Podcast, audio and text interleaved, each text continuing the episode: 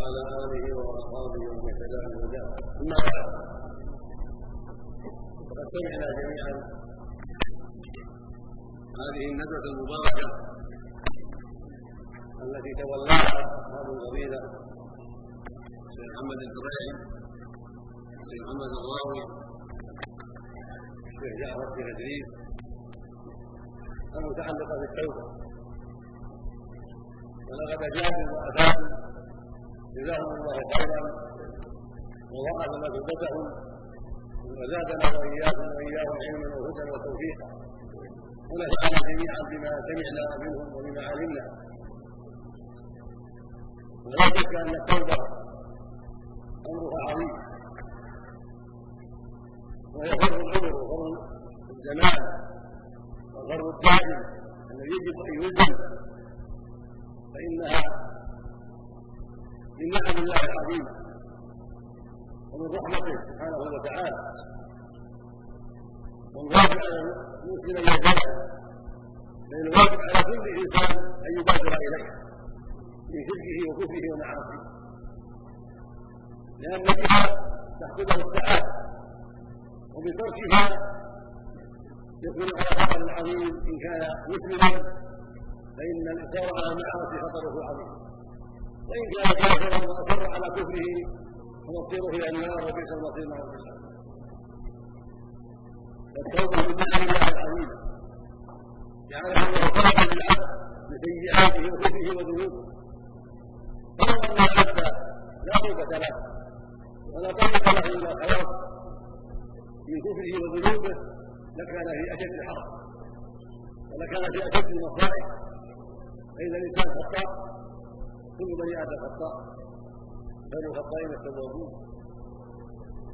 لكن من رحمة الله ومن عظيم إحسانه أن جعل للعبد فرجا من ذنوبه وكفره وسيئاته بالتوبة الصالحه بالتوبة النصوح حتى تمحى عن السيئات حتى يمحى عن الذنوب كما قال عز وجل قل للذين كفروا إن ينتهوا يغفر لهم ما قد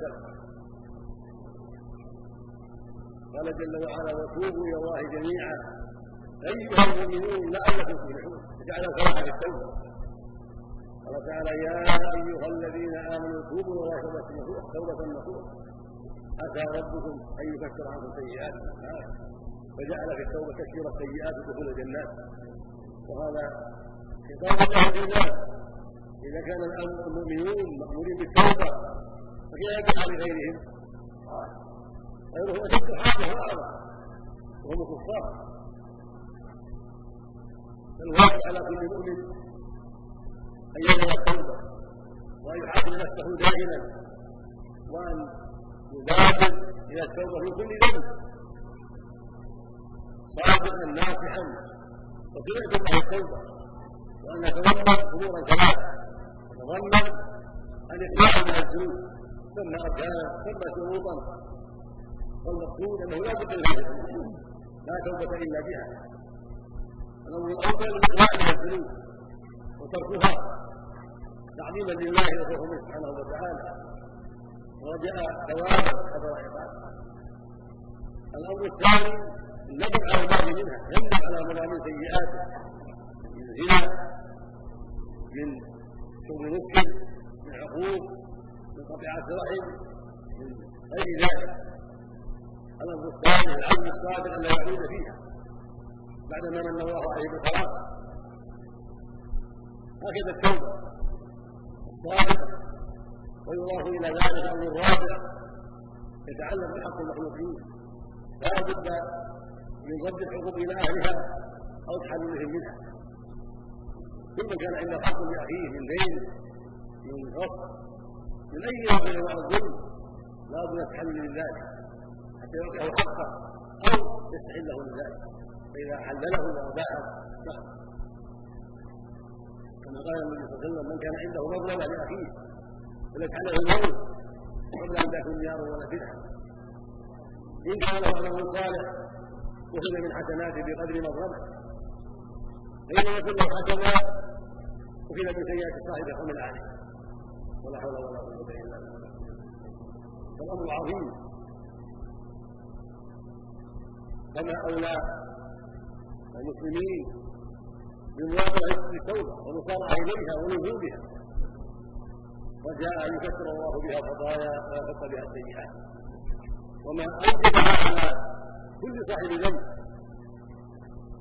وهي على الكفار أوجب فإن ذنبهم أعظم. والواجب عليه يبادر بالتوبة والإسلام.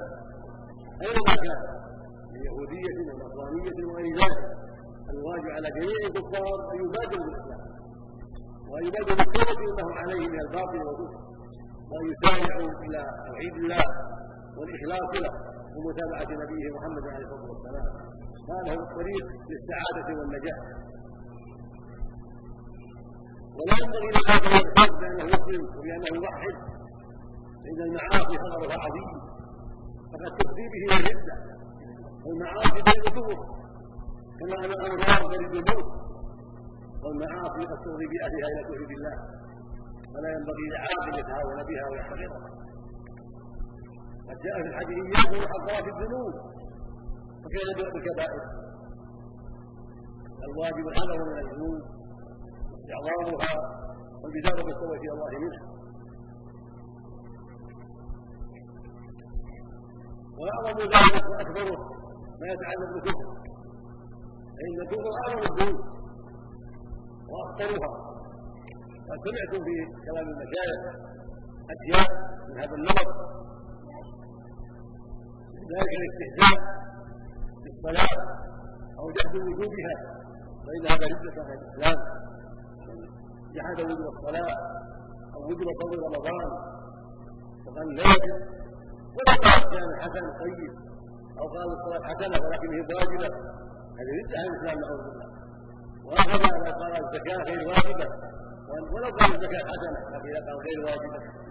ولو كان عنده النصاب الذي لا خلاف فيه فإن هذا يرد عن الإسلام جحد ما أوجب الله. ما أوجب ما أجمع عليه المسلمين أو قال إن الحج مع الاستطاعة غير واجب. أو قال إن الحقوق جائز أو إن الزنا حلال. أو قال إن الحق حلال. ولا يصح تركه فإنه يرد عن الإسلام نعوذ بالله تحرق به الأعمال. قال جل وعلا ولو أشركوا لحبط عنهم ما كانوا قال سبحانه ولقد أوحي إليك. وهي الذين من قبلك لئن أشركت ليحبطن عملك ولا تكونن من الخاسرين. فاستحلال الحرام حلال واستحلال الحرام وتحريم الحلال والمعروف من الدين الضروره كله رد على الانسان يجب التنبيه عليه. بين ربه ثم أصر على استحلال الحرام من الزنا والقول ونحو ذلك. أو اصر على تحريم الحلال من بهيمة الأنعام أو من الالبان والمياه والسهول ونحو ذلك. صار رد على نبه في محمد غير على ما يتعلق بالقوانين. والقوانين التي بينها الناس هي أيضا من البلاء العظيم. نبه على حالين أن يفضلها على الشريعه والثانية أن يجعلها مقاومه كلاهما رد على الإسلام وهناك حال ثالثه لا اذكر انه انه نبه عليها. وهذا إذا اجازها ولا كان أن الشريعة أفضل. إذا أجاز القوانين قال يجوز أن تحكم وأن يرجع إليها. ولو قال إن الشريعة أفضل. فانها ردة أيضا عن لأنه اجاز ما انزل الله مما أجمع عليه وعلى تحريمه يكون على ثلاث إحداهما أن يفضل القوانين على الشريعة وهذا كفره ظاهر الثاني الحال الثاني أن يجعل قوانين مخالفة للشريعة قوانين مخالفة للشرع. مخالفة للشرع. هذا رد أيضا عند جميع المسلمين. الحال الثاني أن يجعلها جائزة ولو كانت الشريعة أفضل ولكن يجوز للدول أن تحكم بقوانين وضعية مخالفة للشرع من أجاز هذا أول هذا في تحت الإسلام لأنه إحلال لما حرم الله وإحلال ما أجمع المسلمين على تحريمه. فإنه لا يجوز ابدا لاحد أن يحكم بين الناس غير شرع الله وأن يستجيز ذلك ويراه مباحا أما الصلح بين المسلمين صلح. الذي لا يحل لا يحل حراما ولا يحرم حلالا هذا جائز ولا سيما مع عدم ظهور الحكم الشرعي.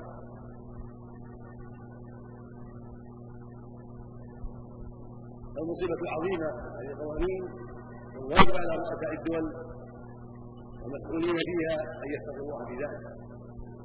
وأن يدعوا هذه القوانين المخالفة المحرمة وأن يحكموا شرع الله في كل شيء.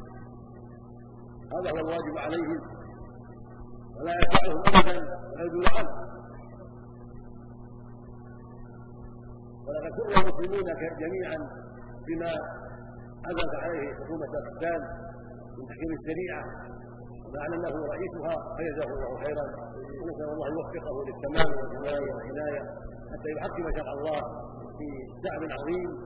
كما نسأله لبقية الدول أن يوفق وأن يهدوا لرشدهم وأن يحكموا شريعة الله في شعوبهم وأن يخبروهم بأمر الله وأن يمنعوهم من محارم الله. ومن ذلك أيضا محاربة الشرك بأنواعه شرك أكبر.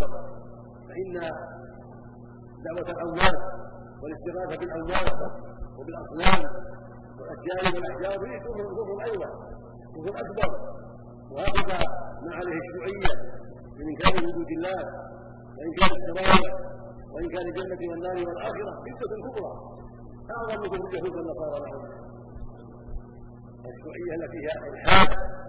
وإنكار لما بوجود الله وإنكار لما جاءت به الرسل وتكفير بذلك وإنكار للآخرة وتكفير بها. هذا أمره خطير. هذا أعظم الكفر بالله. واحدة أكبر من اليهود والنصارى لهم كذلك الدعوة دعوة الأموات والاستغاثة بالأموات. وتدل أصحاب القبور والتعلق بالأموات يسألهم الشفاء والنصر على الأعداء ويطلبهم المدد والغوث هذا كله شرك بالله عز وجل. ولو قال لا ينفعون ولا يضرون. من قال إن الميت أو غيره ينفع ويضر دون الله هذا شرك بالربوبيه إذا قال إن سيد عبد القادر الجيلاني أو الجبل أو أو علي أو الرسول عليه الصلاة والسلام.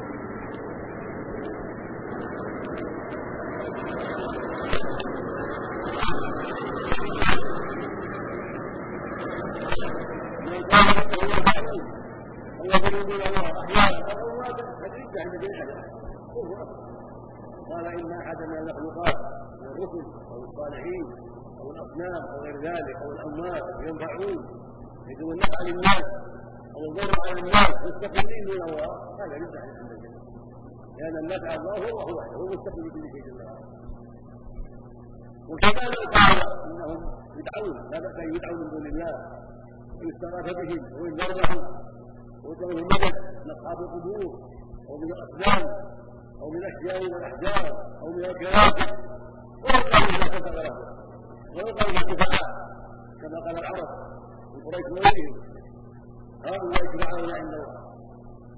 ويعبد المؤمنين ما لا يضرهم ولا ينفعهم ويقولون هؤلاء يشفعون ما قالوا انها تضرهم تنفعهم الله نفعهم هذا ولكنهم يقولون انهم شفعاء يدعونهم ويوثقونهم ويسألونهم قضاء الحاجات لأنهم بزعمهم يشفعون إلى الله ويعطيهم الحاجات وفي الآية يقول جل وعلا عنهم أنهم قالوا ما نعبدهم إلا ليقربونا إلى الله فالمعبود من دون الله صاحبه مشرك هذا كالشرك وإن زعم أنه لا ينفع ولا يضر ولو قال أنه لا ينفع ولا يضر ما دام استطاع ما دام جعله واسطة فقد وقع في شرك قريش وشرك العرب لأنهم وسطوا الأصنام والأوثان وسطوا الملائكة وسطوا الأنبياء. قال هؤلاء يشفعون عند الله ما نعبدهم إلا ليقربوا إلى الله هذا شرك أكبر يجب أن يوجه المسلمون إلى ما وقعوا فيه من الخطأ ينظروا ويبين لهم فإذا أصر صاحب هذه الشركيات بعد التنبيه وأصر على كفره وضلاله ودعوته الأموات قال شرك أكبر وضلال أكبر وكفر أكبر. أما مع الجهالة ومع ما وقع فيه من الكبر التي شبه عليه علماء السوء ودعاة الضلالة وعباد السوء والجهلة هذا محل نظر. بعض أهل يكفره بذلك ويقول الأمر واضح. والأدلة واضحة والضلال واضح وهو كافر بذلك وبعضهم يقول لا بد من تنبيهه ولا بد من وضاح الامثله لأن قد شبه عليه في دعوه الاولاد ووجد الناس على هذا الشيء في بلدان كثيرة فيجب أن ينبه قبل أن يحكم عليه بالكفر الاكبر ينبه والعمل كفر عمله كفر أكبر شيء أكبر. لكن كفره بعينه يحتاج إلى تنبيه. وإيضاح له فاذا أقر كفر كفر أكبر فالامر عظيم والخطر كبير. الواجب على علماء المسلمين اينما كانوا أن ينبهوا الناس على هذا الخطر ويوضحوا للعامة حقيقة الدين وحقيقه التوحيد ومعنى لا إله إلا الله وأن معناها لا معبود حق إلا الله وأن الله سبحانه وتعالى يجب أن يدعى ويستغاث به وينذر له والمعبود بالحق سبحانه وتعالى وما سواه المعبود بالباطل كما قال عز وجل ذلك بأن الله هو الحق وأن ما يكون من دونه هو الباطل.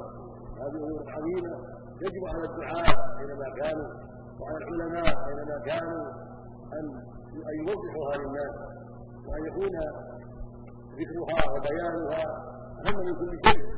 اهم من بعض أحكام الصلاة وأحكام الزكاة إلى غير ذلك. لأن الأصل هو توحيد الله والاخلاص له فلا زكاة ولا صوم ولا حج ولا غير ذلك. بعد صحه الاصل ثبوت الأصل وهو توحيد الله والاخلاص له ودخول عبد الإسلام. رزق الله جميع التوفيق والهداية وعامل جميعا بشرور انفسنا وسيئات أعمالنا الله ان يكون خيرا وبارك فيه وهنا أمر اخر أيضا لم في الصلاة يتعلق بالصلاة وهو أن تركها ولا يجب ان إذا ترك الصلاة ولم يصلي فقد ذهب جمع من العلم وهو معروف عن الصحابة رضي الله عنهم إلى أنه كافر. كفرا اكبر ولا يجب ان وجوده. إذا تركها ولم يصلي ذهب جمع من العلم.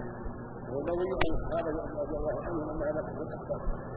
وردها الإسلام نعوذ بالله من ذلك بقول النبي عليه الصلاة والسلام العهد الذي بين يرونه الصلاه ومن تركها فقد كفر قال عليه الصلاة والسلام بين الرجل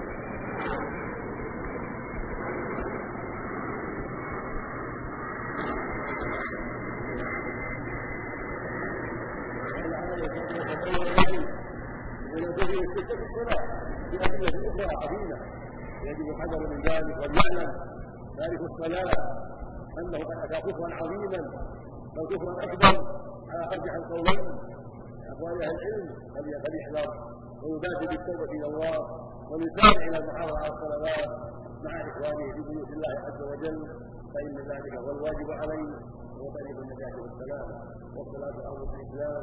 من حفظها حفظ دينه ومن ضيعها لما سوى أرضها صدق الله جميع الهداية والتوفيق. وجزا إخواننا أعطانا بك خيرا. وهدنا جميعا صراطه المستقيم. وصلى الله وسلم على نبينا محمد وعلى آله وأصحابه وأتباعه وإحسانه